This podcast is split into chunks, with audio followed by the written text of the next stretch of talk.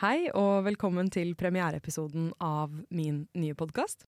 Jeg heter Susanne og produserer den podkasten for Studentradioen i Trondheim. I denne podkasten skal jeg prøve å få svar på de aller, aller største spørsmålene vi mennesker har om vår eksistens her i universet. Og det skal jeg selvfølgelig gjøre ved hjelp av vitenskap.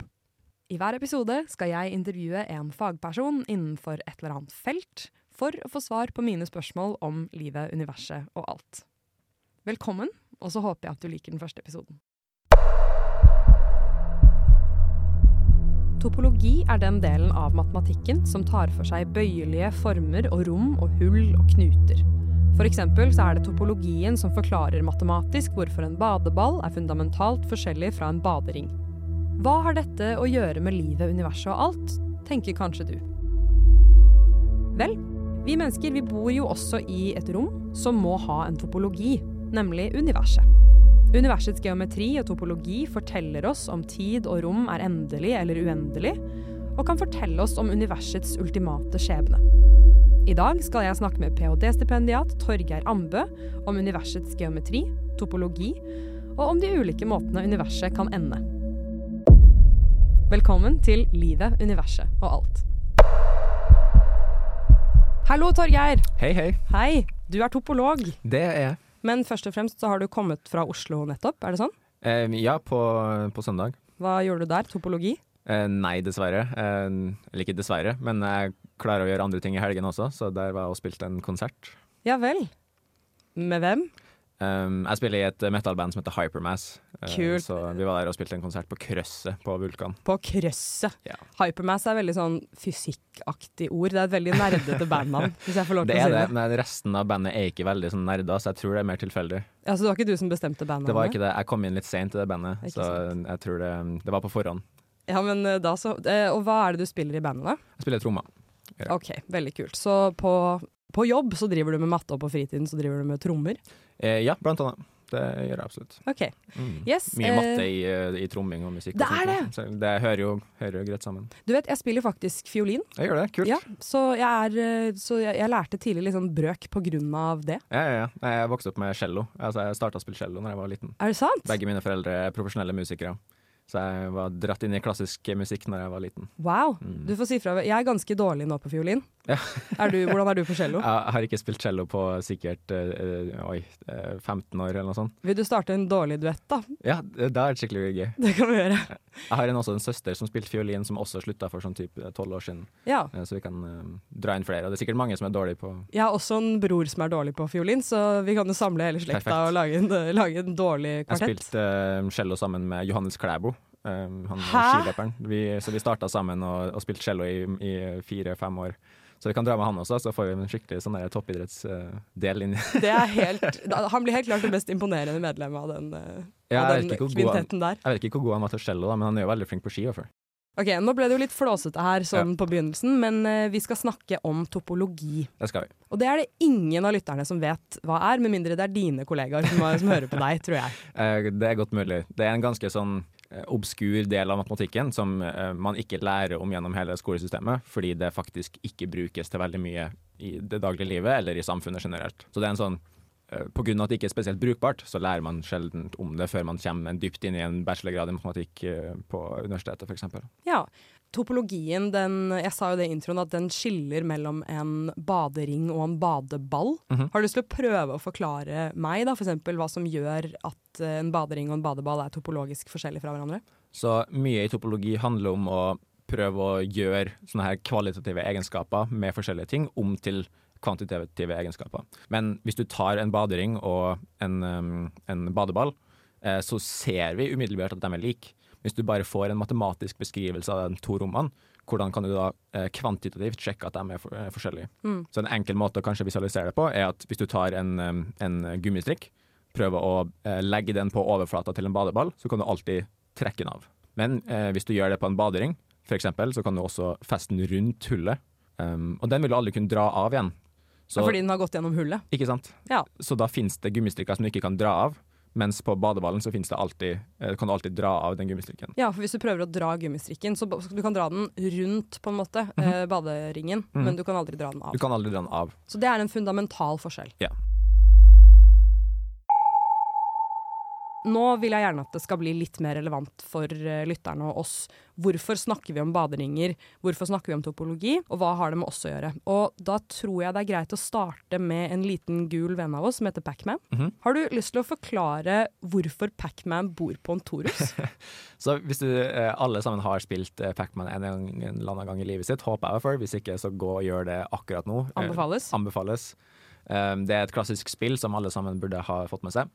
Um, men uh, det som er med Pacman, er at det er et helt firkanta um, ark der du spiller på. Den har noe uh, forskjellige blokader, og du går rundt og spiser noe bær og forskjellig sånn, og blir jaga av noen spøkelser. Um, men det som er kult med Pacman, er at uh, siden du er låst fast i det her kvadratet med spillerom, når du beveger deg ut utafor spillerommet på høyre sida, så kommer du tilbake igjen på venstre sida. Og det samme, hvis du beveger deg utafor spilleoverflata på oppsida, så kommer du opp igjen fra bunnen. Mm. Så hvis du eh, tenker på at du limer sammen høyresida med venstresida, for det er jo det man egentlig gjør når man, når man kan på en måte eh, gå rundt Her tror jeg det hjelper å se for seg spillbrettet som et ark, kanskje? Mm, absolutt. Se for deg et ark, og så tar du høyre og venstre side og limer dem sammen på baksida. Det du vil ende opp med, det er en sylinder. Hvis du gjør det samme på topp og bunnen, da tar du den sylinderen og så limer du sammen de to sirklene. og Da får du en torus. Eller en donut. Eller en donut. Mm. Mm. Så siden den er på en måte periodisk i to retninger, så vil det automatisk gi oss en donut. Ja, Vi kommer til å bruke ordet periodisk mye, tror jeg. Periodiske boundary conditions heter jo det da i matte og fysikk og en haug med andre ting. Mm -hmm. eh, så åpenbart så har vi da Pacman har periodiske boundary conditions, og det betyr at han kommer ut av Når han går inn i den ene veggen, kommer han ut av den andre. Eh, både oppe og nede i kvadratet sitt, kan man si. Mm -hmm. Og på samme måte så har da nervecellene våre av en eller annen grunn, sikkert av en eller annen veldig god grunn, så har de også en sånn periodiske boundary conditions. Da. Mm. Grensebetingelser heter det. Grensebetingelser er også et, et fint ord. Men det, det, er grensebetingelser bare når du ser det for deg som et flatt ark når du ser det for deg som et faktisk topologisk rom, at du faktisk limer sammen ting, så har det ikke det noen grense. Nei, da har det ingen grense. Ja, så det er bare pga. visualiseringsteknikken vår da, at vi kaller det for grensebetingelser. Ja, nettopp. Topologien den, den har vel vist seg å være relevant i ganske mange forskjellige Den dukker opp overalt, bl.a. i databehandling, i robotikk er den veldig viktig. Mm. Og så har det kommet et uh, ganske kult uh, det, er ikke, det, er ikke, akkurat helt nytt, da, men i januar 2022 så kom jo vår egen Moser-gjeng med et Eh, resultat som ble publisert i Nature, hvor de snakket om at det er funnet topologisk interessante strukturer i hjernen. Så um, Moser-gjengen, Moser eller forskningssenteret på, på nevrovitenskap der, de forsker jo mye på rottehjerner.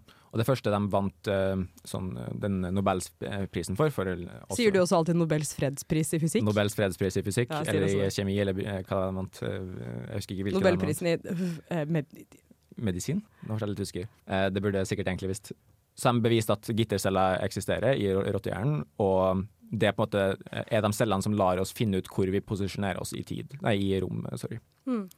Um, det de gjorde i denne Nature-artikkelen fra, fra, i fjor, det var å finne ut uh, Brukt et redskap som heter topologisk dataanalyse for å gjøre masse databehandling på de her gridcellene. Finne ut hvis de fyrer um, i masse forskjellige retninger, og du studerer haugevis av forskjellige rotter og alt mulig rart, så kan du finne ut av de fire som om de eh, bodde på en, en torus, altså en badering. Vi kommer sikkert til å begynne å bruke det mervitenskapelige ordet donut etter hvert. donut, torus, badering. Det er samme, samme, samme, samme objektet, forskjellige ord. Ja. Så de her uh, gridcellene de uh, fungerer som om de eksisterte på en torus. Så de er periodisk på en måte i to retninger. Og eh, med det så tror jeg vi kan gå videre til å snakke litt mer om det topologiske rommet vi eksisterer i, mm. nemlig verdensrommet. Mm. La oss bare begynne med et uh, spørsmål som ikke har så mye med vår verden å gjøre likevel. Uh, og det er hvor mange dimensjoner driver dere med i topologien? Så en av de tingene som jeg liker veldig godt med matematikk da, generelt, eh, istedenfor um, fysikk, er at fysikk trenger å være på kobla til virkeligheten på en eller annen måte. Så i fysikk så er man eh, interessert i faktiske ting som modellerer virkeligheten, mens i matematikk så kan jeg bry meg om hva som helst, bare fordi jeg syns det er interessant. Så det er ikke noe vanskelig å forestille seg høyere dimensjoner. Du kan bare, eller Å forestille seg dem faktisk, det er vanskelig, men å beskrive dem matematisk, det er ganske enkelt. Du kan bare lage datapunkter som er eh, mer enn tre forskjellige koordinater, de vil være høyredimensjonale. Mange forskjellige ting som man kan uh, også finne i virkeligheten, er høyredimensjonale. Men det er enkelt å, beskrive det matematisk, og det gjør at jeg kan eh, studere hvilken som helst dimensjon jeg vil, bare ved å beskrive det matematisk. Jeg lurte på om du hadde lyst til å forklare oss bare kort hvordan, hvordan er vårt univers? Hvor mange dimensjoner har vi? Hvor mange lever vi? Så akkurat uh, det vi tror, da, eller sånn det som er mest konsistent med det vi observerer med virkeligheten, er at vi lever i et tredimensjonalt univers med én dimensjon med tid, da, hvis vi snakker om generell relativitet, der vi på en måte tolker tid også bare som en, en retning. Ja, altså tre pluss én. Tre pluss én er det man som regel sier um, i fysikken. Um, tre romdimensjoner, én tidsdimensjon. Det er sånn litt forskjellige grunner eh, til det her. Altså for det første så er det det vi observerer. Det er på en måte det som er konsistent med det vi observerer. Men det finnes også um, både matematiske og fysiske argumenter og bevis for at måte, høyere dimensjoner vil være ustabile. Um, så hvis du har én tidsdimensjon, men fire romdimensjoner, um, så vil f.eks. bana til jorda rundt sola vil være ustabil, og du vil uh, enten bli slunget utover, eller alt vil kollapse. Hvis du har lavere dimensjoner, så hvis du har eh, to romdimensjoner og én tidsdimensjon, så vil det også på en måte ikke være Det vil være for enkelt til å kunne eh, produsere liv. Så du vil ikke f.eks. kunne ha nervesystem som går rundt hverandre, fordi alle nerver må krysse eh, fordi det bare har to romdimensjoner. Ja, ja, ja. Jeg tenkte faktisk jeg skulle komme tilbake og spørre deg om, om biologiske strukturer i mm. forskjellige mm. dimensjoner.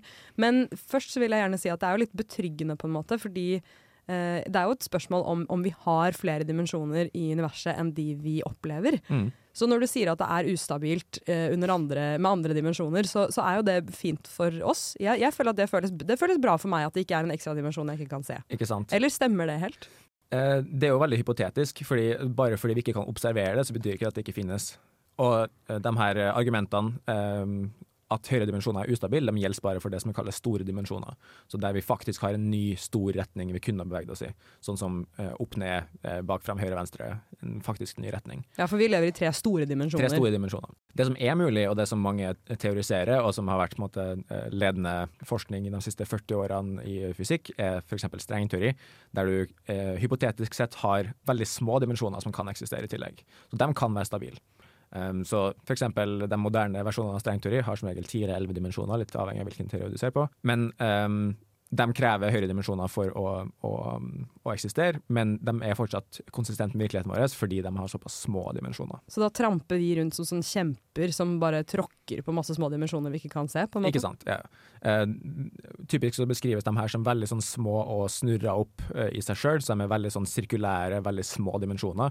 Så du kan se for deg på en måte at du har en liten loop um, som er på en måte en ekstra dimensjon, bare at den er kjempeliten, så vi vil nesten aldri kunne observere den. Eller de prøver på CERN f.eks. Å, å, å lete etter de her um, høyere dimensjonene, de her veldig små sirkulære dimensjonene, men så langt så har vi ikke noen uh, som helst uh, observelle data på at de faktisk eksisterer. Vi var så vidt inne på det i stad, men vi snakket om biologiske strukturer mm. i ulike dimensjoner. Og der vil jeg egentlig gjerne starte i fire dimensjoner. Mm -hmm. Hvordan ville vi fungert dersom det var fire romlige dimensjoner? Så det her er jo enda en, en grunn til at ting er ustabilt, eller at det ikke fungerer like godt i fire dimensjoner. Så hvis vi går tilbake til knuteteori, um, så er knuteteori veldig viktig for å f.eks. beskrive hvordan uh, vi kan få plass til alt DNA-et vårt inni cellene våre. Så du har masse DNA, du har uh, er det, to meter DNA i hver celle, eller noe sånt, som på en måte må ta veldig liten plass. De knuter seg rundt hverandre og er veldig, veldig kompakt. Og så har du andre typer um, biologiske maskinerier, som, når du har celledeling, som klipper opp dem her på forskjellige måter og, og splitter det opp i to, og så uh, kan en celle dele seg uten at du på en måte du knyter opp denne knuten. da. Men f.eks. hvis du går til fire dimensjoner, så finnes det ikke eh, knuter av DNA i, i fire dimensjoner. Så hvis du har en knute, så kan du bare bevege knuten rundt seg sjøl i en ny dimensjon, og det vil på en måte løse opp og løsne alle knuter. Du kan alltid knyte opp alle tredimensjonale knuter i firedimensjonalt rom? Ja. Ja, men da, Så deilig at vi lever i tre. Det er veldig behagelig. Ehm, eh, jeg tror ikke DNA hadde fungert på noen som helst samme måte hvis det hadde vært, at vi hadde vært firedimensjonale vesener. Så hvis det skulle eksistert firedimensjonale vesener, så måtte de ikke hatt DNA som er laga eh, Nå antar jeg at de har DNA i det hele tatt, det er jo ikke sikkert. Ehm, men hvis de har hatt en eller annen type form for DNA, og de her skal knyte rundt seg sjøl, så må du ha eh, plan, og ikke bare måte, linjer av DNA. Ja, så, så flater så du har uendelig uh, utstrakte flater, kan knyte rundt seg sjøl i fire dimensjoner, men da krever det at du har uendelig utstrekning i en, måte, et, en, en flate. Uh, og det er litt vanskelig å se for seg at du på en måte har et endelig vesen som har inni hver eneste celle en uendelig utstrakt flate. Det blir noe ganske eksotisk i forhold til vår egen biologi. Det blir i hvert fall noe helt annerledes som vi ikke helt kan forstå at kunne vært et biologisk vesen i det hele tatt. Nei, Og så nevnte du to dimensjoner i stad, tror jeg. Ja, um, så det med to dimensjoner er jo at um, To dimensjoner er jo flate ting. Flate ting. Så hvis du skal ha f.eks. nervesystemer, uh, ting som er knytta sammen til å lage noe som uh, forestiller en hjerne, f.eks., eller et eh, nettverk av hvilken som helst slag, um, så vil Hvis du har to noder mellom ulike punkter, så vil de alltid krysse hverandre. Um, så hvis du har nerveendinger f.eks. i hjernen, så vil de, de vil ikke kunne gå forbi hverandre uten å krysse. Du kan heller ikke ha ha f.eks. rør i, i, to dimensjoner, for det bare splitter ting i to. Det fins ikke rør i to dimensjoner? Det fins ikke rør i to dimensjoner, for på samme måte som det gjør i, i, i tre dimensjoner. Så hvis du skal ha et biologisk vesen i to dimensjoner med en munn, f.eks., som kan ta til seg næring eh, og, og uh, gjøre dem til avføring og så få det til det. kvitte seg med det, så kan ikke det her fungere som et rør. Det må fungere som måte, å, å, absorbere det gjennom sin eh, kant eller et eller annet sånt. Det kan ikke være noe som går gjennom systemet, for det deler bare organismen i to. Blodårer er også rør. Blodårer også rør, så i to dimensjoner så vil det heller ikke kunne eksistere på en måte sammen med blodpumping rundt det. Det må være noe helt annerledes. Ja. Nei, Så igjen så er det deilig at vi er her i tre dimensjoner. Det er der det virker som om liv fungerer best. Derfor. Da tror jeg vi er gjennom det jeg ville snakke om i Med dimensjoner. Og så har vi jo fått en smakebit på en måte på hvorfor topologi er viktig også, fordi dette med rør og knuter egentlig er Det er topologi. Det er topologi, absolutt. Så dette er en flåsete måte for å illustrere at topologien er viktig. Absolutt. Da tror jeg at vi beveger oss videre til universet. Mm. Vi sitter jo her i universet, eh, og vi kan se ganske langt ut fra jorda med teleskopene våre. Men kan vi se hele universet, Torgeir? Eh, nei, det kan vi faktisk ikke. Nei. Og det hørtes jo ikke planlagt ut, i hvert fall. Det som skjer nå, er at jeg har laget et lite kurs i eh, det synlige universet kontra hele universet. Fordi den følgende diskusjonen nå, vi skal starte i det som er det synlige universet, som er den lille lokale bobla som vi kan se av universet. Og så skal vi snakke om hele universet.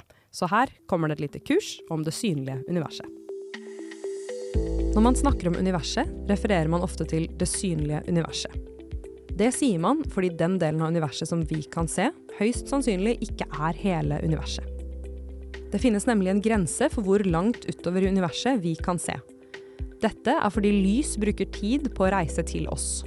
Lyset fra sola bruker åtte minutter på å reise til oss, imens lyset fra vår nærmeste stjerne forlot den for 4,24 år siden, altså i 2018-2019. Når vi ser utover, så ser vi også lenger bakover i tid. Vi kan se så langt tilbake at vi ser de aller første galaksene som ble til, og den aller første strålingen som slapp gjennom universet etter Big Bang. Denne strålingen kalles for den kosmiske bakgrunnsstrålingen. Den ligger som et skall rundt den boblen som for oss er det synlige universet, og den markerer grensen for hvor langt ut og hvor langt tilbake i tid vi kan se. Derfor er det synlige universet ikke det samme som hele universet. Så tilbake til da det synlige universet. Vi har jo det som heter tidrom, og vi vet at det kan krumme seg. Tidrommet er på en måte det vi kan, kan kalle en firedimensjonal struktur, mm. som alt fins i, som eh, inneholder tre romdimensjoner og én tidsdimensjon. Mm -hmm. Og så vet vi at tunge ting, eller massive ting, de bøyer tidrommet. Som en kanonkule på et stretchlaken på en måte gjør. Ja.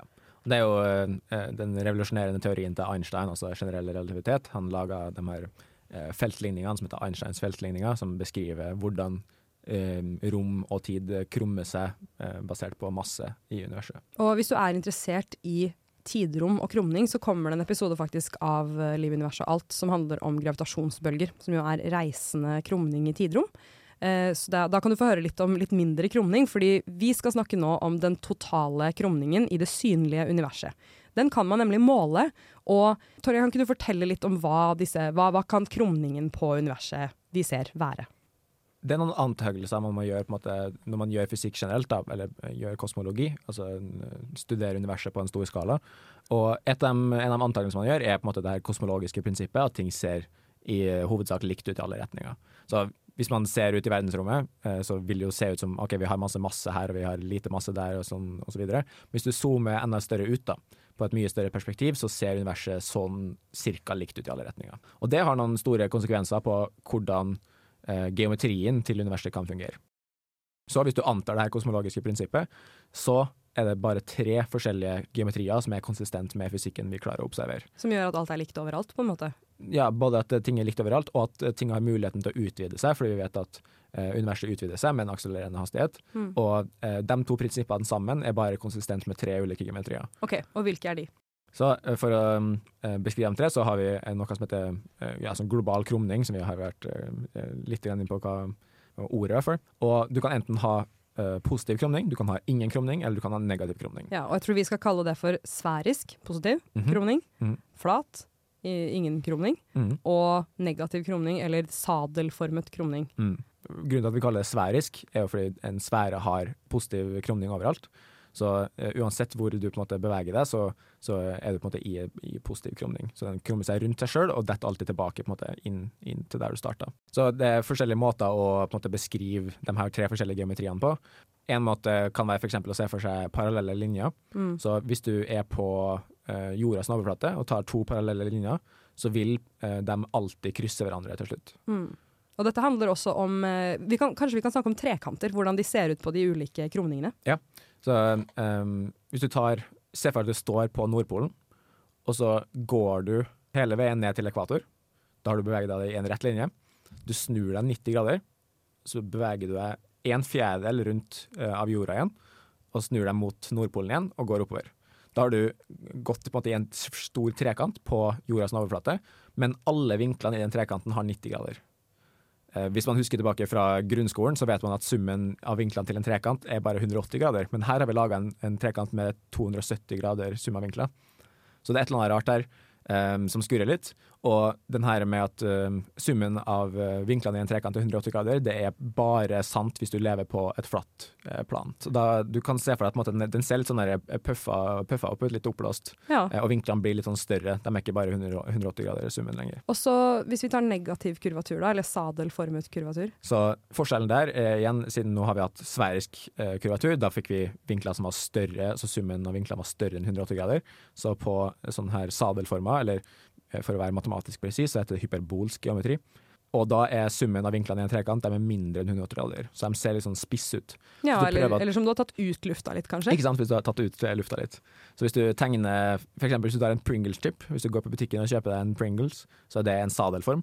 Hvis du tegner en trekant på den sadelformen, så vil summen av vinklene være mindre enn 180 grader. De vil se litt sånn spisse ut. Så da er det bare å kjøpe Pringles og begynne å tegne trekanter på dem. Det er en fin fredagskveld. Jeg tror det er fint at du sier Pringles, fordi sadel betyr jo det er jo hestesal. Ja. Men jeg tror flere folk har forhold til Pringles enn et forhold til hestesal. Ja, og enda færre folk har forhold til hyperbolsk geometri, som er det abstrakte konseptet. Det tror jeg veldig få har et Ja. forhold til. Jeg vil gjerne snakke om uendelighet i disse kurvaturene. Mhm. Hvilke av kurvaturene er uendelige, og hvilke er ikke det? Så eh, hvis du har positiv uh, kurvatur, så vil du hovedsakelig hovedsak ende opp med bare endelig, endelige eh, former, endelige, endelige rom. Uh, så for eksempel sfæren, det er jo en endelig ting. Det er en ting som på en måte, du kommer alltid tilbake der du starta, eh, og det, en- du kan beholde hele den, um, den formen på, på en måte et endelig, endelig rom. Så la oss si at eh, vi lever i sfærisk kurvatur. Spoiler, vi gjør ikke det, men så vidt vi vet. Men eh, la Mm. oss si at vi gjør det. Hva skjer hvis jeg reiser så langt jeg klarer? Så man kan jo se for seg, ikke bare hvis du tenker på universet, men hvis du tenker på jorda, så er det akkurat det samme, bare én dimensjon lavere. Så hvis du reiser en spesifikk retning på jorda, så vil du alltid til slutt Hva er det, den, eh, hun- nei, 80 dager, er det det som er, eh, Det er det den boka heter, i hvert fall. Jorda rundt på 80 dager. Ikke sant? Så da kommer du tilbake etter 80 dager, så kommer du tilbake til der du starta. Eller hvis du flyr, så kan du gjøre det på sikkert sånn to døgn. Ja, Eller noe. er sikkert noe sånt. Men eh, poenget er hvis du, hvis du reiser i én fast retning i, eh, i, måte bare framover, så vil du til slutt komme tilbake til der du starta. Ja, så hvis jeg letter i mitt romskip fra Australia og flyr så langt jeg klarer, da vil jeg på et tidspunkt komme tilbake og se Norge. Hva med sadelformet og flatt tiderom? For eksempel hvis du har et, eh, et eh, flatt rom, så vil du kunne reise i, i på en måte én retning, og aldri se noe repeterende mønstre. Aldri på en måte komme tilbake til der du starta. Så du vil kun fortsette i evigheten og bare reise og reise og reise, helt til du går tom for energi, og, eh, og alt bare eh, Universet dør. Det skal vi snakke litt om senere. Ja, vi skal snakke mer om at universet dør. Jeg tror den neste delen av denne episoden skal handle kun om universets Mm. død. Men vi holder, oss, vi holder oss litt eh, unna det enda. Er det sånn at sadelformet rom også er uendelig?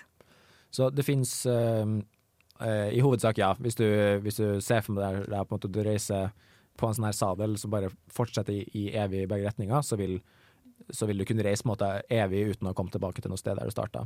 Hvis folk har sett, sett hyperbolsk geometri, som kanskje ikke mange har, eh, så finnes det også på en måte endelige kompakte versjoner av hyperbolsk geometri, så du kan ha endelige versjoner av både flatt rom og hyperbolsk rom.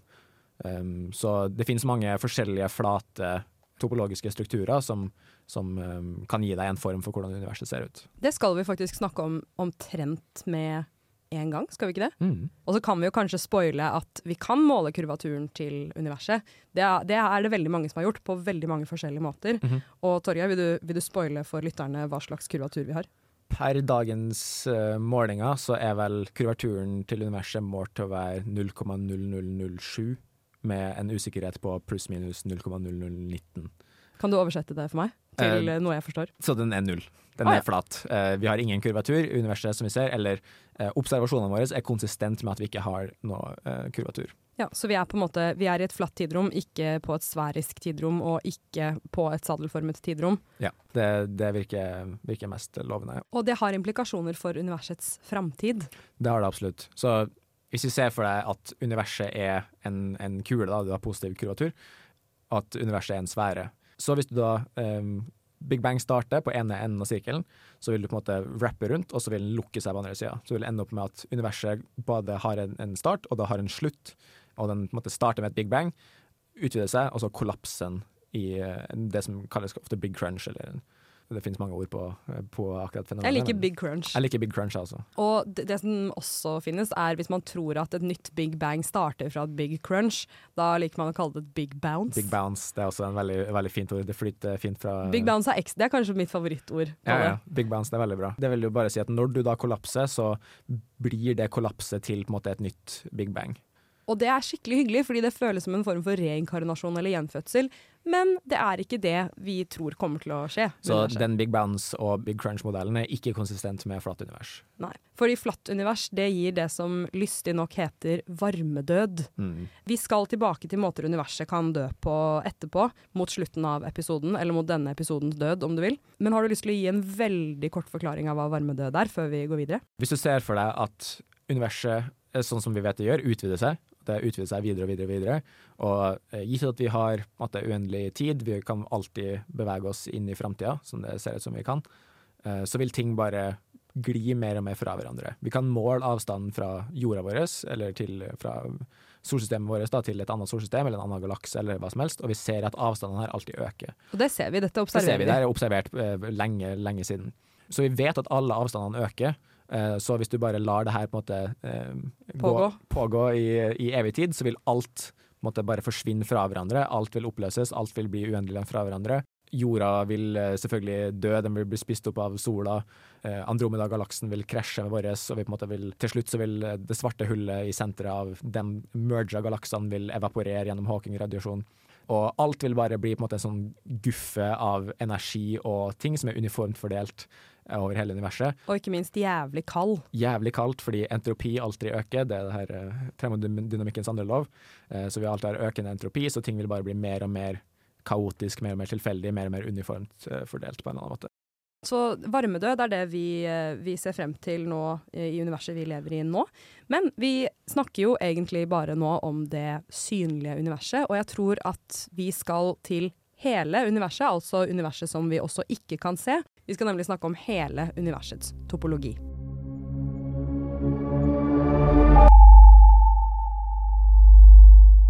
Nå skal vi snakke om hele universets topologi. Ja. Og da mener vi ikke bare det observerbare universet, men hele universet. Mm. Hva menes egentlig når jeg spør deg om universets topologi? Hva er det? Så nå har vi jo snakka litt om, om, geometrien, altså f.eks. kurvaturen til, til, universet. I hvert fall der vi kan se det og observere det, i den lokale eh, delen av universet der vi lever. Men eh, vi fant jo ut at OK, vi har et, vi har et flatt univers. Eh, problemet er at det finnes mange forskjellige flate topologiske former. Så både et rom som er uendelig i alle retninger, tre dimensjoner i alle retninger, vil være et perfekt, fint, flatt univers men også f.eks. en tredimensjonal torus, altså en tredimensjonal badering, er også et flatt, flatt univers. Så det er konsistent med det vi har observert her i vårt synlige univers? Ja, absolutt.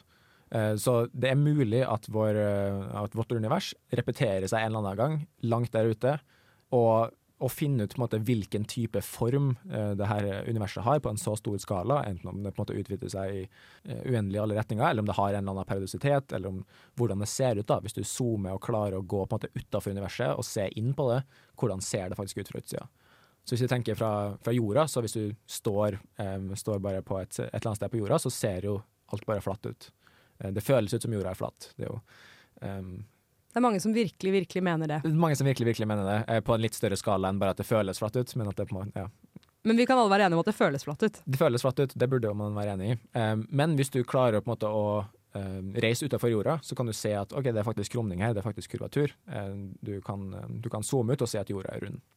Vi kan ikke gjøre det med universet, det går ikke an å zoome og gå utenfor universet. Vi, men vi kan gjøre matte. Men vi kan gjøre matte. Og det er mulig å bevise at jorda er rund uten å se det fra utsida. Man har visst kjempelenge at jorda er rund. Um, så håper jeg at man kanskje kan gjøre noe sammen da, for universet, og prøve å sjekke om man kan gjøre en eller annen måling på innsida av universet for å finne ut om, man, om, den globale strukturen. Hva kan man si da om, om hvor mange topologiske former vi egentlig har? Så Det som er fint, da, siden det, det her er jo et veldig matematisk rammeverk, vi kan beskrive former, og dem kan vi eh, beskrive topologisk, og alle de her topologiske tingene kan vi modellere perfekt med matematiske ting. Så vi kan studere dem rent matematisk uten å bry oss om virkeligheten, det er jeg alltid glad for.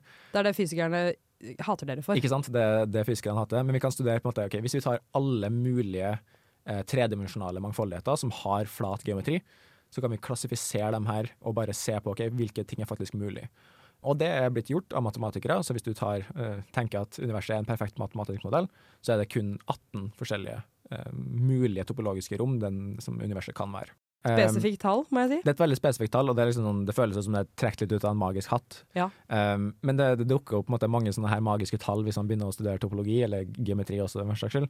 Sånne magiske tall som man bare føler er helt sånn uh, trukket ut fra ingenting. Bare sånn som ramler ut av matematikken? Bare ramler rett ut av matematikken. Veldig kult, veldig spennende. Men uh, tilbake til de her 18, da, så er det kanskje lettere å For det er vanskelig å visualisere ting som er i høyere dimensjoner enn det vi klarer å observere.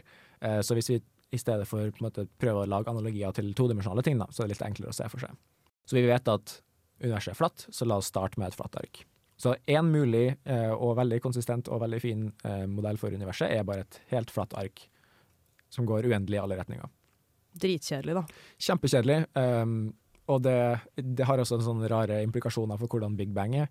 Fordi da, Hvis du har et flatt ark som er uendelig i alle retninger, så kan jo ikke Big Bang ha vært starten av rom. Fordi noe som utvider seg, har da utvidet seg i det her flate arket. fordi du kan ikke måte, skalere noe ned fra uendelig og hindre det fra å fortsatt være eh, uendelig. Et big bang skjer på en måte i hvert punkt i hele universet samtidig. Er det ikke sånn få... man tenker på big bang nå, da? Jo, det er litt det. Um, det, det, er jo på grunn av denne modellen at du har på en måte uh, Du tenker at universet er et, et flatt ark i alle retninger. Så et ark er på en måte et bilde på uendeligheten vi kanskje eksisterer i? Ja.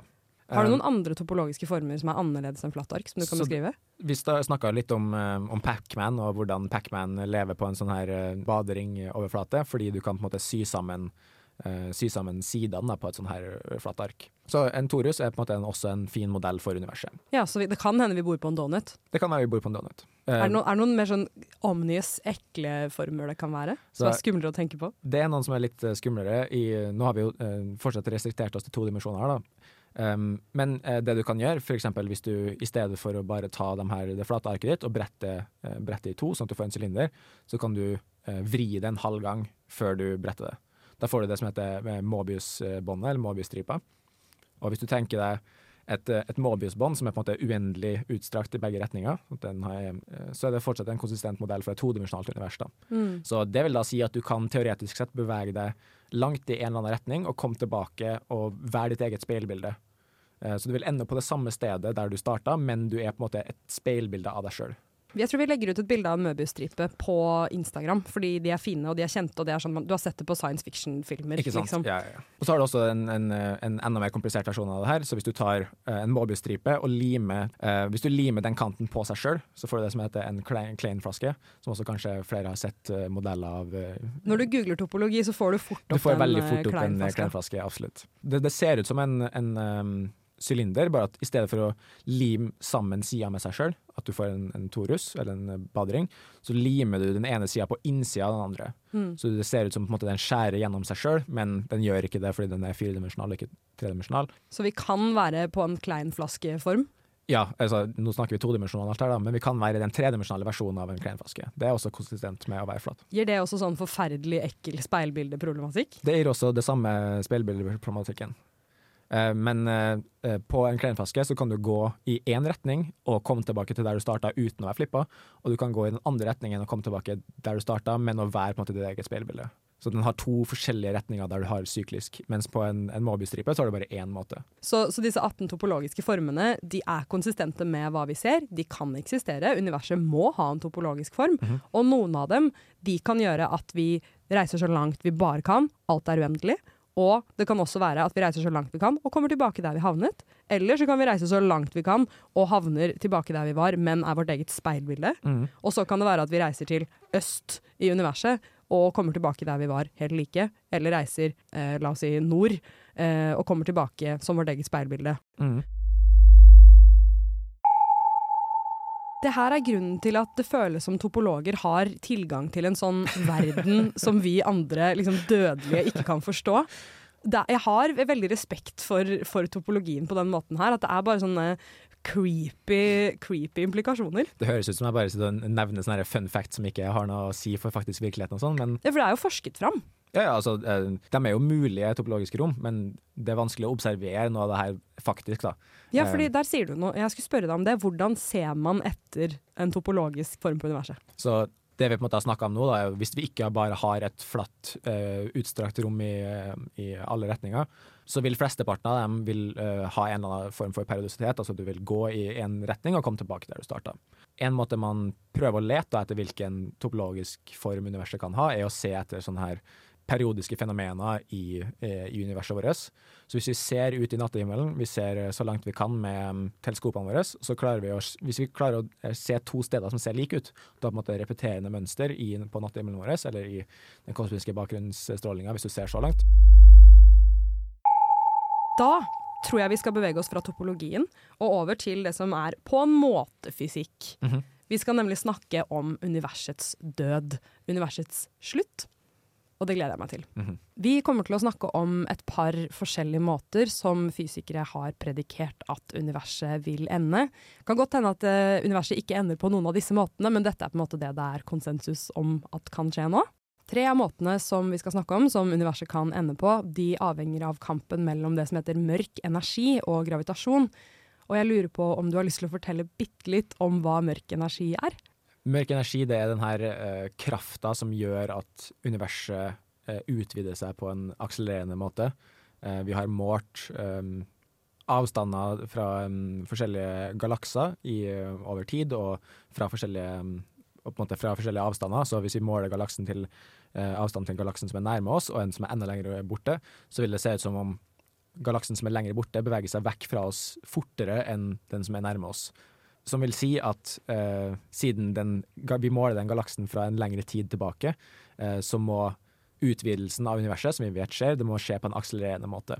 Og siden vi ikke har noen god forklaring på hvorfor det her skjer, så har vi introdusert det som kalles da mørk energi, um, som er denne effekten av at som, som, gjør at universet utvider seg på en uh, fortere og fortere. Jeg ser det litt for meg som en bolledeig. Det er en vanlig analogi når man mm. snakker om uh, universets utvidelse. Ikke, det er ikke helt riktig fordi en bolledeig ikke utvider seg uh, fortere og fortere, men uh, at du tenker på galaksene som rosinen i en bolledeig. Sånn at rosinene reiser ikke i bolledeigen når bolledeigen hever seg, men, de, men, men, selve deigen hever seg. Sånn at mm. hvis rosinene følger med på hverandre, så vil de se at de forsvinner fra hverandre. Både del skal man tenke på det som hvis man blæser opp en ballong og tegner noen prikker på en ballong, så hvis du blæser opp den enda mer, så vil alle prikkene vil bli lenger og lenger unna hverandre. Så det, det, er egentlig faktisk en av de få tingene i kosmologi som er sånn greit å se for seg, syns jeg. Ikke sånn altfor ille, iallfall. Det finnes verre ting. Det er det. Um, så vi skal snakke om uh, Vi skal komme litt tilbake til to ting vi har nevnt. Da. Vi har vært, bort, vi har vært innom The Big Crunch, uh, og vi har vært innom varmedød. Og jeg, jeg vil gjerne starte på Big Crunch, mm. uh, for der har vi kanskje et par ting å legge til. Big Crunch det er jo det tilfellet av universets slutt der hvor den mørke energien ikke klarer å stå imot gravitasjonskraften. Mm. Og så ender vi da med at universet kollapser tilbake på seg selv. Og hvordan, hvordan vil det føles for oss? Det er jo litt vanskelig å si. Vi vil jo For det første så vil vi aldri oppleve universet sin, eh, sin slutt. Eh, lenge før den tid så vil, eh, så vil sola ha slukt jorda, og galaksen vår vil krasje med Andromeda-galaksen, og verre ting vil skje.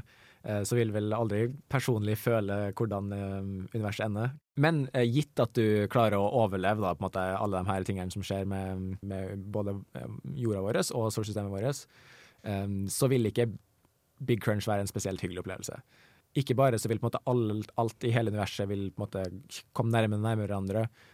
Vi, alt vil på en måte tvinges nærmere og nærmere, men også på en måte energien, lyset, alt som eksisterer, vil på en måte komme mot det. Så alle, alle ting kommer mot hverandre. Så det gjør jo siden det er masse energi i form av stråling, i form av lys, uh, ute i universet, så vil til slutt alt lyset måtte være retta mot deg og retta mot alt sammen. Som et gigantisk solarium? Som et gigantisk solarium. Så det blir dritvarmt? Ikke bare, altså det, det, det, er ingenting uh, som er varmere i hele universet. Da. Som blir bare, alt blir, får masse stråling på overflata si, fordi alle på en måte kurver uh, vender innover mot samme punkt. Og alt blir kokt eller stekt, uh, bakt, hva det enn du vil kalle det, fra utsida inn, fordi du får så mye stråling på deg fra alle retninger. Akkurat som i et solarium, da? Akkurat som i et solarium, um, så du vil bli utrolig tan veldig kjapt. Og så dør du. Og så dør du for, veldig fort. Fordi Før så trodde man på Big Crunch. Det var ganske poppis på 60-tallet, ifølge en forfatter som både du og jeg har lest litt av. Ja, det, det var en ganske populær teori. Det var jo um, Man var litt mer uh, Man hadde ikke de samme eksperimentene eller de samme resultatene som vi har i dag på, på 60-tallet. Så da var det en kamp mellom uh, flere, flere, typer modeller, og Big Crunch var en som var en god, god forkjemper, uh, sammen med sånn homeostatisk univers og noen forskjellige andre. Homeostatisk univers er at alt er helt likt hele tiden? Ja, ikke sant. Så universet utvider seg, men det dukker opp mer materie mellom måte, det rommet der det har utvida seg, sånn at universet på storskala ser likt ut hele tida. Det er en behagelig teori. Jeg tror, jeg tror, stemningen på jorda her nå hadde vært bitte litt annerledes hvis vi hadde visst at vi venter på et big crunch. Ja, det kan godt være. Eller jeg ville tenkt på det annerledes, i hvert fall. For jeg ja. tenker en del på universets varmedød. Nå handler kanskje det litt om at jeg researcher til den podkasten her, da. Men, eh, men, men, det føles som Det er dystert, men det er fredfullt. Det er, jo en, det er jo en slags sånn uh, nihilisme som kommer til stede ved å tenke på at måte, okay, alt bare ender i et eller annet uh, kollaps, et eller annet svært krasj på slutten av tid. Uh, og det gjør jo på en måte at ingenting vi gjør har noe effekt på noe som helst uansett. Uh, på en eller annen stor kosmisk skala. Så det er jo en sånn nihilistisk tanke at liksom uh, Uansett hva vi gjør, så kan vi aldri stoppe universets død. Ja, det er helt sant. Ja. Men når man tenker på universets død, så blir man også faktisk litt takknemlig for at vi lever akkurat her akkurat nå. Og det, det tror jeg vi skal komme tilbake til, for nå vil jeg egentlig gjerne snakke om et annet alternativ til Big Crunch, som er på en måte det motsatte av et Big Crunch. har du lyst til å fortelle meg litt om The Big Rip? Så um, når The Big Crunch er på en måte at gravitasjonen til slutt vinner over, over mørk energi, og at det klarer å trekke alt sammen tilbake til, um, til, et, um, til et, punkt, altså et kollaps. På en måte et, et, omvendt Big Bang, hvis du vil se det på den måten. mens Big Rip er på en måte motsatt effekt. Du har, I stedet for at gravitasjon vinner kampen, så vinner mørk energi kampen. Og da vil uh, ting bare vil akselerere fra hverandre eh, fortere og fortere. Bolledeinen din sprenger den, uh, den, vil flyge fra hverandre i alle retninger, og på en måte rom i seg sjøl vil bli dratt fra hverandre. Uh, så det er vanskelig å se for seg, og det er jo selvfølgelig um, hypotetisk. Og det, det handler om uh, hvor sterk da denne mørke energien kan være. Hvordan tror du en Big Rip vil se ut, da, hvis den bare hadde kommet nå? Det er vanskelig å se for seg hvordan rom i seg sjøl kan bli ødelagt, for det er jo på en måte, vi, vi bor jo i, i, rom. Så hvordan ser det ut om f.eks. hvis rommet rett foran deg, mellom Eh, deg og hva enn som uh, hører på, og det som er foran deg. Hvordan det vil se ut hvis det rommet i seg sjøl blir revet fra hverandre. Jeg ser det for meg som at uh, du ser på et lerret, og så kommer det noen og sager i det, og så er det mørkt bak. Men det er helt sikkert ikke sånn det er. Det er kanskje en, en fin analogi. Jeg aner ikke om det er mørkt bak, eller om det er lyst bak, eller om det er noe annet bak. Eller La oss håpe det er lyst bak. Det hadde vært fint. Eller at det bare er et nytt tapet. Eller Kanskje det bare er en ny virkelighet. Nei, men Big Rip. Big Rip er ubehagelig. Big Rip er ganske ubehagelig. Men det krever eh, Eller mange av de teoriene som handler om Big Rip, krever det som heter eh, fantommørkeenergi. Er at eh, ikke er mørk energi konstant over hele universet, men den kan endre seg over tid og være på en måte positiv. At den kan bli, bli større og større. Så akkurat sånn som målingene er per nå, som vi har gjort i dag, så er eh, målingene konsistent med at den fantommørke energien ikke eksisterer. Så per nå så tror vi at Big Rip heller ikke kommer til å skje. Det håper vi på. Og, og varmedød, som er det vi snakket om i stad, som vi skal snakke litt mer om nå, som er den, den måten vi tror universet ender på nå, basert på målingene vi har, det, det er jo en slags uh, sakte, snill Big Rip. Ja, på en måte. Bare at ingenting Det rives ikke fra hverandre. Det rives ikke fra hverandre, fordi uh, den eh, mørke energien er ikke kraftig nok til å på en måte faktisk rive fra hverandre eh, tid. eh, De bare og tid. siger fra hverandre. Alt bare glir sakte, men sikkert fra hverandre i på en måte en uh, akselererende utvidelse. Der har jeg faktisk skaffet en liten, uh, det jeg vil kalle en værmelding for resten av universet. Eh, universets eh, tid. Det er nemlig hva man tror kommer til å skje de neste årene gitt varmedød, Mhm. som er det vi tror kommer til å skje nå. Har du lyst til å høre? Det har jeg. Eh, her blir det eksponenter. De som eh, kan det, de kan eh, tenke på eksponenter. Og de som ikke kan eksponenter, de kan bare tenke at det er sjukt høye tall. Det er som regel tall med veldig mange nuller etter seg. Ja, Så eksponenten forteller hvor mange nuller det er etter tallet. Så når jeg sier f.eks. 10 opphøyd i 20., så betyr det at det er 20 nuller etter 10. Akkurat nå så er universet 10 opphøyd i tiende år gammelt. Ja, sånn eh, Den størrelsesorden. I den størrelsesorden. Eh, det, ja, hva er det, 13,8 milliarder år, eller er? Ja, ja, det er sant. Jeg, jeg, her opererer jeg kun i ti. Okay. Um, men uh, bare, for å, bare for å sette en skala. Så om ti opp i de 20. år, så ramler jorda inn i den døde sola, hvis den ikke allerede har blitt på en måte slukt og spist av sola idet sola døde. Om ti opphøyd i 30. år, så vil sola ramle inn i det sorte hullet i sentrum av Melkeveien. Som da har krasjet med Andromeda-galaksen, så det er et enda større sort hull enn det det er akkurat nå. Om ti opphøyd i 48. år så vil atomene og nøytronene og protonene som de består av, rives fra hverandre, bli til elementærpartikler, og normal masse opphører å eksistere sånn vi kjenner det. De eneste store tingene vi har igjen da, blir sorte hull.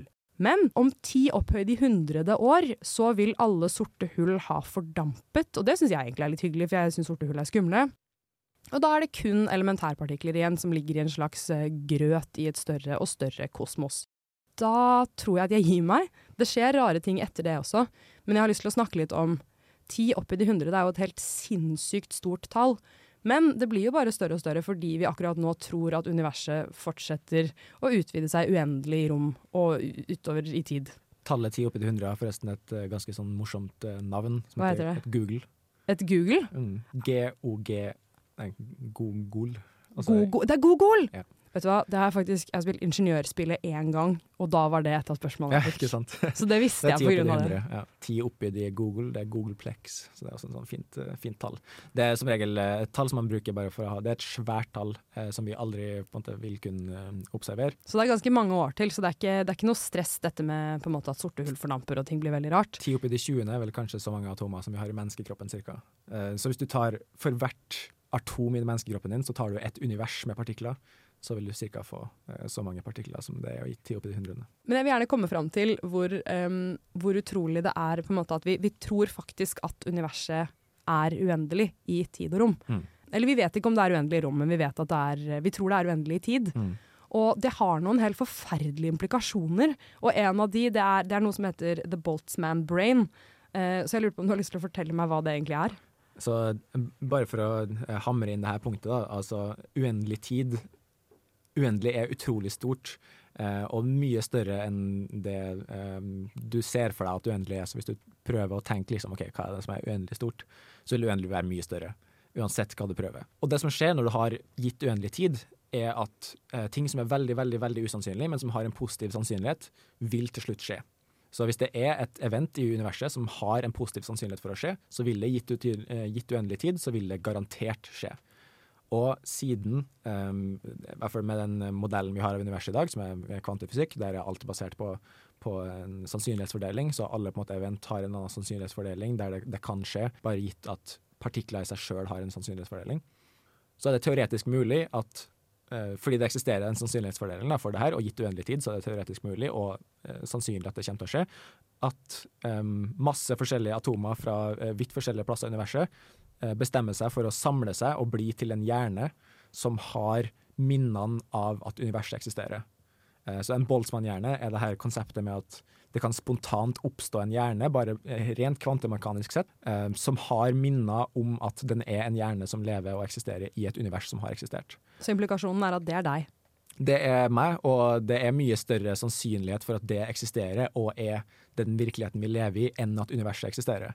På Så- den måten vi tror de gjør nå. Ikke akkurat nå. sant? Så det, det kalles ofte et Boltzmann-hjerne-paradoks, fordi det impliserer at uh, universet ikke eksisterer, men at vi er en hjerne som har drømt at universet eksisterer. Fordi det er mer sannsynlig, bare uh, gitt hvordan uh, sannsynlighetsfordelinga funker. Og man har laga ikke, eh, ikke veldig gode prediksjoner på hvor liksom, lang tid det tar før eh, Boltzmann-gjerne vil sannsynlig skje, men det finnes andre utregninger. Det finnes noe, en, en kjent artikkel som regner ut for eh, hvor sannsynlig og hvor lang tid det vil ta før et piano spontant oppstår. Det finnes en seriøs forskningsartikkel som regner ut det her, eh, som kom for noen år siden. Um, så det, er- det er ting man kan gjøre beregninger på, og som kan, uh, man kan på en måte finne matematikk som beskriver. Men er det, er det også sannsynlig, eller kan det også skje at det oppstår en jord som er ganske lik som, eh, som vår jord, og evolusjonen skjer på en måte litt likt, men i stedet for at mennesker regjerer, så er det litt mer vann på den planeten som minner om jorda, slik at eh, blekksprutene tar over, f.eks.? Eksempel, det er også en teoretisk mulighet, og ikke bare at det skjer over tid, men at eksempel eh, alle partiklene eh, som trengs da for å gjøre det her, bestemmer seg for å gjøre akkurat det samtidig. At det spontant oppstår en ny jord der det her er tilfellet. Ja, for nå la jeg jo evolusjon til grunn, Ja, men det her handler om hvordan partiklene bare bestemmer seg for å interagere med hverandre. Ja. Ja. Så det er en mer kvantemekanisk greie? Det er mer kvantemekanisk, eh, definitivt, bare fordi eh, kvantemekanikken fungerer på sånne her sannsynlighetsfordelinger. Så en, en hel verden regjert av blekksprut kan poff oppstå ut av partiklene som slåsjer rundt i denne grøten. Det kan det, altså det kan det jo i dag også. En, en, sånn, eh, en sånn verden kan uh, plutselig begynne å eksistere uh, rett ved siden av oss. Men grunnen, grunnen til at det ikke skjer, er jo fordi det er veldig veldig, veldig usannsynlig. Uh, og ting som er veldig veldig, veldig usannsynlig, det skjer ikke som regel. Men gitt uendelig tid, så skjer det. Så det vi tror kommer til å skje med universet, er veldig Det er, veld, det er bisarre saker. Det er kjempebisarre saker, og mest pga. det her eh, at uendelig er mye større enn man tror. Eh, Så når man har uendelig tid, så kan eh, alt som har en mulighet for å skje, vil, vil skje. Her kan jeg avsløre at vi skal lage en episode i framtiden om uendelig med oss. Det skal vi. Så det er bare å glede seg til det. Da eh, har vi snakket litt om alle måtene universet kan ende på, gitt denne kampen mellom mørk energi og gravitasjon. Men så fins det en egen måte universet kan ende på som ikke egentlig har noe særlig å gjøre med det. Eh, og det er det som heter på engelsk false vacuum decay. Og så har vi valgt å døpe det for Falsk vakuum er vel én ting man kan kalle det, eller vakuumkollaps. Vakuumkollaps er det vi bestemmer oss decay for, i ja. Det er på en måte ikke noen norsk, bra norsk eh, oversettelse på ordet decay, eh, men jeg liker litt vakuumkollaps. bedre. Jeg syns kollaps er så dramatisk, så det går vi for. Men hva Decay er litt sånn, kollaps, det er sånn dramatisk ord. Så. Decay er et kjempedramatisk ord. Ja. Hva, hva er det som skjer eh, under en eh, vakuumkollaps? Så det jeg sa litt i stad, med at um, vi aldri kommer til å observere at universet måtte ende, hvis det er enten f.eks. et big eh, crunch eller big rip, eh, det er ikke lenger sant for det her vakuumkollapset. Fordi det kan skje når som helst? For det kan skje når som helst, og det er det som er litt sånn skummelt med det. Um, så for å sette opp da litt, eh, litt hva vakuumkollaps er, for noe så må vi først kanskje forklare hva et vakuum er. Alle har et forhold til måte, hva vakuum er. Det, vi tenker at Hvis vi klarer å fjerne alt som er på et eller annet sted, så vil du ende opp med et eller annet vakuum. Så hvis du tar en, en boks eh, her på jorda, så kan du suge ut av lufta, du kan fjerne alle partikler som er inni der, og sånn, så vil du ende opp med et eller annet som er vakuum. Eh, Det viser seg at eh, fordi eh, kvantemekanikk er på en måte bygd på usikkerhet, fordi eh, vi har kvantefeltteori, så kvantefeltene våre eksisterer overalt, eh, også inni en lukka boks uten luft, uten partikler. Og fordi kvantefeltene i seg sjøl har usikkerheter, så vil det på en måte være energiforskjeller inni den boksen, så du vil aldri få et perfekt vakuum. Ja, så for de som ikke har et forhold til kvantefelter, som jeg tror det er veldig mange, så, så impliserer de bare at vakuum har en form for energi. Og her er det f.eks. Uh, mørk energi vil være en del av det. Det her Higgs-feltet som kanskje folk har hørt om, med Higgs-bosonet som ble funnet på bekrefta at eksisterte på CERN i 2012. Mm, som, som, gir ting masse? Det gir ting masse. Så Higgs-feltet eh, er det som i hvert fall på sånn her kvantefeltteorispråk kalles et skalarfelt. Um, så det vil bare si at uh, det har et, en tallverdi. Uh, I hvert punkt i universet så har Higgs-feltet en tallverdi. Og grunnen til at det gir ting masse, er fordi at denne tallverdien er positiv. Så på hvert sted i hele universet så har Higgs-feltet en positiv tallverdi. Um, det som skjer da med det her uh, vakuumkollapset, er at denne tallverdien som Higgs-feltet har på hvert sted i universet, det er ikke sikkert at det er den optimale tallverdien som Higgs-feltet vil ha. Så hvis du ser for deg at per i dag så eksisterer det her Higgs-feltet i på en måte en, en, stabil tilstand, det kalles en metastabil tilstand, fordi vi er ikke sikre på at den faktisk er stabil, så kan det være i framtida at Higgs-feltet finner en bedre måte å eksistere på, i på en måte en grunntilstand som er lavere energi enn den gjør i dag. Eh, det eh, vil da føre til en sånn her kollaps, at den hopper fra en energitilstand til en annen energitilstand. Det som da skjer, er jo fordi det her gir alle partiklene våre masse, eh, og bestemmer veldig mye av hvordan eh, universet vårt fungerer, bare på en, en fundamental skala. Når det her Higgs-feltet har sånn kollaps, så vil det skape en sånn boble av en bedre versjon av universet, hvis du ser det fra perspektivet til Higgs-feltet. Eh, og den, den, bobla vil på en måte utvide seg og utvide seg, den vil dra mer og mer inn i det. Hva er det inni den bobla? Det er kollaps. Det er bare um, ingenting. Det er det spørs litt på hvor hardt den her kollapser. da. Hvis den kollapser bare lite grann, så kan det være at ting kan eksistere. Eh, hvis du har på en måte eh, bare energitilstander som er litt forskjellige, det er veldig usannsynlig at det er bare litt, eh, for da hadde mest sannsynlig det her kollapset allerede skjedd. Så det som mest sannsynlig kan skje, da, er at den kollapser på en måte til en, en ny fundamental verdi som er forskjellig fra den vi har, større forskjellig fra den vi har i dag. Og da vil det mest sannsynlig gjøre at ingenting kan eksistere, i hvert fall sånn som vi tenker på det i dag, med materie, energi, alt mulig rart vil bare fundamentalt se helt forskjellig ut. Så det vil bare være en, en tomhet, en vegg med ingenting. Sa du at denne bobla vil rive til seg alt? Den vil rive til seg alt fordi denne vakuum, nye vakuumtilstanden er en bedre energitilstand som, som Higgs-feltet vil eh, strebe å eksistere etter. da. Så hele universet ramler ned i en hele sånn lavere energi? Hele universet vil ramle ned i en sånn lavere energitilstand. Så vil, denne bobla vil bare um, øke og øke i størrelse, og alt vil bare kollapse og kollapse og kollapse inn i denne, denne uh, vakuumkollapsbobla. Hvor kan dette skje? Hvor er Higgsfeltet? Er det her? Higgsfeltet er her, Higgsfeltet er der. Higgsfeltet er hvor enn du ser i hele universet. Så påstår du at midt imellom oss her inne i studio som vi spiller inn i nå, så kan Higgsfeltet kollapse mellom oss, og så blir vi rev, revet inn i det? Det er det som er veldig kult da med, med kvantemekanikk, er at siden alt er, er sannsynlighetsbasert, eh, Folk har kanskje hørt om for sånn kvantetunnelering eller et eller annet sånt. Så det eksisterer tilfeldigheter som gjør at en partikkel kan uh, hoppe over en energibarriere. Det kalles kvantetunnelering, eller den kan tunnelere gjennom gjenstander. Uh, så det er for eksempel uh, Det skjer når vi, når vi lukter på ting, så er kvantetunnelering det er en effekt som skjer i luktesystemet vårt. Det brukes i naturen flere steder. Men sånne her kvantefelter kan også tunnelere. Så Higgs-feltet i seg sjøl kan tunnelere til en ny energitilstand. Og det kan skje spontant hvor som helst i universet, bare fordi det er en faktisk sannsynlighet for at det skjer. Så flaks at det ikke har skjedd ennå. Ja, du kan kalle det flaks, eller så hadde vi aldri merka om det hadde skjedd. Fordi denne uh, bobla hadde jo uh, ut, uh, eh, utvida seg med lysets hastighet. Lysets hastighet er mye raskere enn vi klarer å observere. Nerveendingene våre og nervesystemet vårt fungerer med, med, lydens hastighet. Så du vil aldri kunne merke en vakuumdød eller en vakuumkollaps. Nei, men vi sitter her, så vi vet at det ikke har skjedd ennå. Det er for så vidt sant. For å avslutte denne, denne vakuumkollapsen, da. Dette kan skje. Ja. Det kan skje når som helst. Mm. Og det har egentlig ingenting å gjøre med big crunch eller med big rip eller med varmedød. Det er tre andre mm. ting som handler om noe annet. Ja. Så eh, tilbake til vårt rolige, deilige varmedød-univers, så er det jo sånn at når ting utvider seg, så vil ting etter hvert utvide seg så fort at det utvider seg vekk fra oss raskere enn lyshastigheten. Det betyr det er en veldig guffen implikasjon. Det betyr at når vi ser utover universet om x antall milliarder år, da vil man ikke lenger kunne se ting som er i den delen av universet som går så fort vekk fra oss som lyshastigheten, eller fortere. Det betyr at om noen milliarder år så vil det kunne være vitenskapsfolk som prøver å finne ut hvordan universet fungerer, som ikke kan se noe annet enn seg selv. De vil uh, potensielt se um, sine nærmeste stjerner, fordi gravitasjonen er sterkere på kortere skala enn en utvidelsen. Men de vil aldri kunne se f.eks. galakser langt unna. Så nå, eh, vi er så heldige, heldige nå at vi har f.eks. James Webb-teleskopet, så der vi kan se eh, langt eh, tilbake i tid, og vi kan se galakser og galaksesystemer som er kjempelangt borte. Ja, nesten tilbake til universets begynnelse. Nesten tilbake til universets begynnelse. Og det vil de ikke klare eh, i framtida.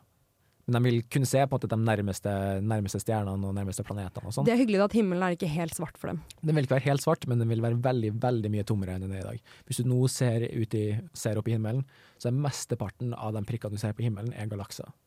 Det visste jeg ikke. Så de eh, vil da ikke lenger kunne være synlige. Det er noe å tenke på når man ser på stjernene når man er på hytta. Mm. Men det gir også en sånn takknemlighet da, for, at, for, at, vi er her akkurat nå. Tenk så forferdelig det hadde vært om vi dukket opp på et tidspunkt hvor vi vet at OK, nå, nå ser vi Vi ser ikke lenger tilbake til universets begynnelse, omtrent. Mm. Og, eller å, vite at der nå, nå, ser vi den siste galaksen forsvinne over horisonten. Nå kan mm. vi ikke se den lenger. Eller eventuelt å bare prøve å forske på universet, men tro at du er den eneste galaksen. Det er forferdelig. Det, det, skaper jo en enda sånn sterkere tro på at menneskene er spesielle i universet. Som Absolutt. kanskje skaper nye, nye, konspirasjonsteorier og nye religioner og alt mulig rart. Det hadde jo vært veldig spennende. Ja, ja, ja. Men det, det skal jo sies at Carl Sagan har sagt at vi mennesker er måten universet opplever seg selv på. Mm. Og det er sånn timingmessig så stemmer det. det. Det gjør jo absolutt det. Vi lever jo den veldig spesielle tida i universets historie der vi faktisk kan observere eh, det observerbare universet i sin helhet um, som eh, man ikke har kunnet uh, alltid tidligere, fordi det har vært um, ikke vært formert nok galakser, nok stjerner, alt mulig rart til at det har vært spennende. Og ikke for seint til at de her har uh, utvida seg og glir fra hverandre så fort at vi ikke rekker å se dem. Man blir takknemlig. Man blir takknemlig. Det er på en måte en veldig sånn, fin plass å leve i universet sin historie. Da har jeg bare ett spørsmål igjen til deg før ja. vi avslutter. Og det er hvordan vil du selv at universet skal ende? Så det er jo et, uh, et, komplisert spørsmål. Det finnes jo så mange interessante måter universet kan dø på. Men jeg tror min uh, favoritt, også en av mine uh, favorittvitenskapspersoner, er um, Roger Penrose. og han har en veldig fascinerende teori for hvordan ikke universet slutter, men hvordan, hvordan universet er på en måte syklisk, at det gjentar seg sjøl, at det skaper en ny versjon av seg sjøl etter hvert han har en modell som forklarer at når du har da universets varmedød, for det er det som er konsistent med våre målinger, så først har du varmedød, og eh, når du kommer til varmedød, så er det på en måte alle partiklene dine har bare blitt til energi. Eh, du har eh, bare masse fotoner, masse måte, sånn grunnmateriale som bare ligger og en suppe og svømmer rundt i universet. En av de eh, fundamentale tingene som vi vet at eh, måten universet fungerer på, er det her Einstein sin ligning med E, e MC andre. Så energi og masse er det samme. Det finnes også en annen ligning som ligner veldig, som sier også at energi og frekvens er det samme. Så hvis du setter dem her sammen, så får du at masse og frekvens er det samme. Hva vil jeg si? Eh, frekvens er det vi bruker for å måle tid. Altså du har eh, klokka og presise ting eh, går på en frekvens. Eh, så hvis du har masse, så har du en frekvens, og du kan måle tid. Når alle de her partiklene dine kollapser til masseløse partikler, så slutter tid å fungere. F.eks. et foton, en lysbølge, har ikke en klokke. Den vil ikke observere tid. Så når alt, måtte, eh, alt er masseløst, alt, eh, alle ting eh, kollapser til masseløse partikler, så slutter også tid å eksistere. Du er ingenting som kan holde styr på tid lenger. Og eh, partikler som er masseløse, de beveger seg i lysets hastighet, men hvordan, hvor skal de gå hen?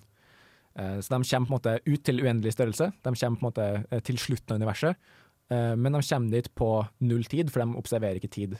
Så hans forslag da er sånn, OK, du har masse, masse fotoner, masse masseløse partikler som bare kommer ut til enden av universet, og hva gjør de da? Jeg vet ikke. Ikke sant? Den beveger seg videre i neste univers, og det, den går videre over randen er det han kaller på en, måte, en fødselen av en ny æra. I, på en måte, det blir neste univers. Så han har matematisk beskrivelse der som er selvfølgelig mye mer eh, rigorøs enn det, det Handwave forklarer om akkurat nå. Men det finnes en reskalering av eh, på en måte den her uendelig store universet, der på en måte fotonene bare kan bevege seg ut dit, for de ikke oppfatter ikke tid. Så de bare er der allerede. Med en gang et foton begynner å eksistere, så er den på slutten av universet. Og så får du neste, neste æra, eh, og så eh, får du universets varmedød, og så skjer det her på nytt. Du så du får et slags big bang på slutten av hver varmedød? Ja, du får et slags big bang på slutten av hver varmedød eh, ved at du har denne reeskaleringseffekten reskaleringseffekten som skjer når, når ting er helt, helt tidløst og alle partiklene på en måte er, er uendelige. Så kan du tenke på det her som punkt, eller bare starten av et nytt, nytt univers. Eh, på matematisk skal det være en konformal eh, res reskalering. og Det vil bare si at du kan gjøre det her på en matematisk måte, sånn at du bevarer både eh, vinkler og lengde. Så, så, så, det er en veldig fin reskalering som gjør at ingenting det, av fysiske egenskaper faktisk blir ødelagt. Så det her er en, en, teori som også funker på et fysisk perspektiv, ikke bare på et matematisk perspektiv. Jeg tror jeg har en ny yndlingsuniversdød. Ja. Den er kjempeinteressant, og øh, det fins øh, Han driver også og liksom, prøver å få Eh, eksperimentell eh, verifikasjon av denne teorien. Så um, siden dere har snakka om gravitasjonsbølger i en annen podkast, så har det også at kollaps, at hvis du har krasjer av flere eh, sorte hull, så kan de skape gravitasjonsbølger. Og de gravitasjonsbølgene eh, har han teorisert at kan eh, flytte seg over gjennom de her æraene. Så når du har en ny, ny en måte, nytt big bang, så kan du få informasjon fra det forrige universet gjennom gravitasjonsbølger. Så det ser vi etter, liksom? Det ser han etter. Så han har noen eksperimentelle bevis, men det er mange som tviler litt på teorien hans i tillegg. Uh, Dette men, høres ut som noe som er omdiskutert. Det er en omdiskutert uh, teori. Han er en omdiskutert både eh, fysiker og matematiker og filosof. Men han har også uh, vunnet Nobelsprisen i fysikk, så han er også en veldig veldig respektert både fysiker og matematiker. Dette syns jeg var en veldig, veldig, behagelig måte å avslutte episoden på, egentlig. Fordi varmedød er så veldig sånn 'dette skjedde én gang', mens, mens en, en, form for uh, reinkarnasjon av universet er veldig mye hyggeligere å tenke på. Hvis folk vil uh, lese mer om det, så heter det uh, konformal syklisk kosmologi. Konformal syklisk kosmologi. Jeg skal i hvert fall lese mer om det. Den er veldig interessant. Mm.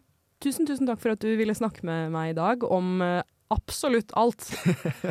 det var kjempeinteressant. Jeg har kost meg masse. Ja, jeg tror vi, vi, har fått veldig dekket Livet er dekket litt, universet er dekket veldig, og alt syns jeg også er dekket ganske mye. Definitivt. Vi kommer til å snakkes igjen når vi skal snakke om Uendelig. Det gjør vi også. Men for nå så tror jeg vi sier takk. takk. Ha det bra. Ha det bra. Du har lyttet til Livet, universet og alt. Hvis du har et tema du vil at vi skal snakke om, eller hvis du er ekspert og gjerne vil snakke om ditt tema, så kan du ta kontakt på Instagram Livet, universet og alt. Liv, universet og alt i ett ord. Takk for at du hørte på.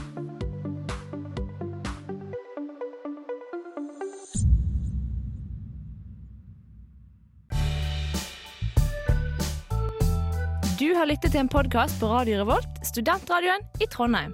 Sjekk ut flere programmer på radiorevolt.no.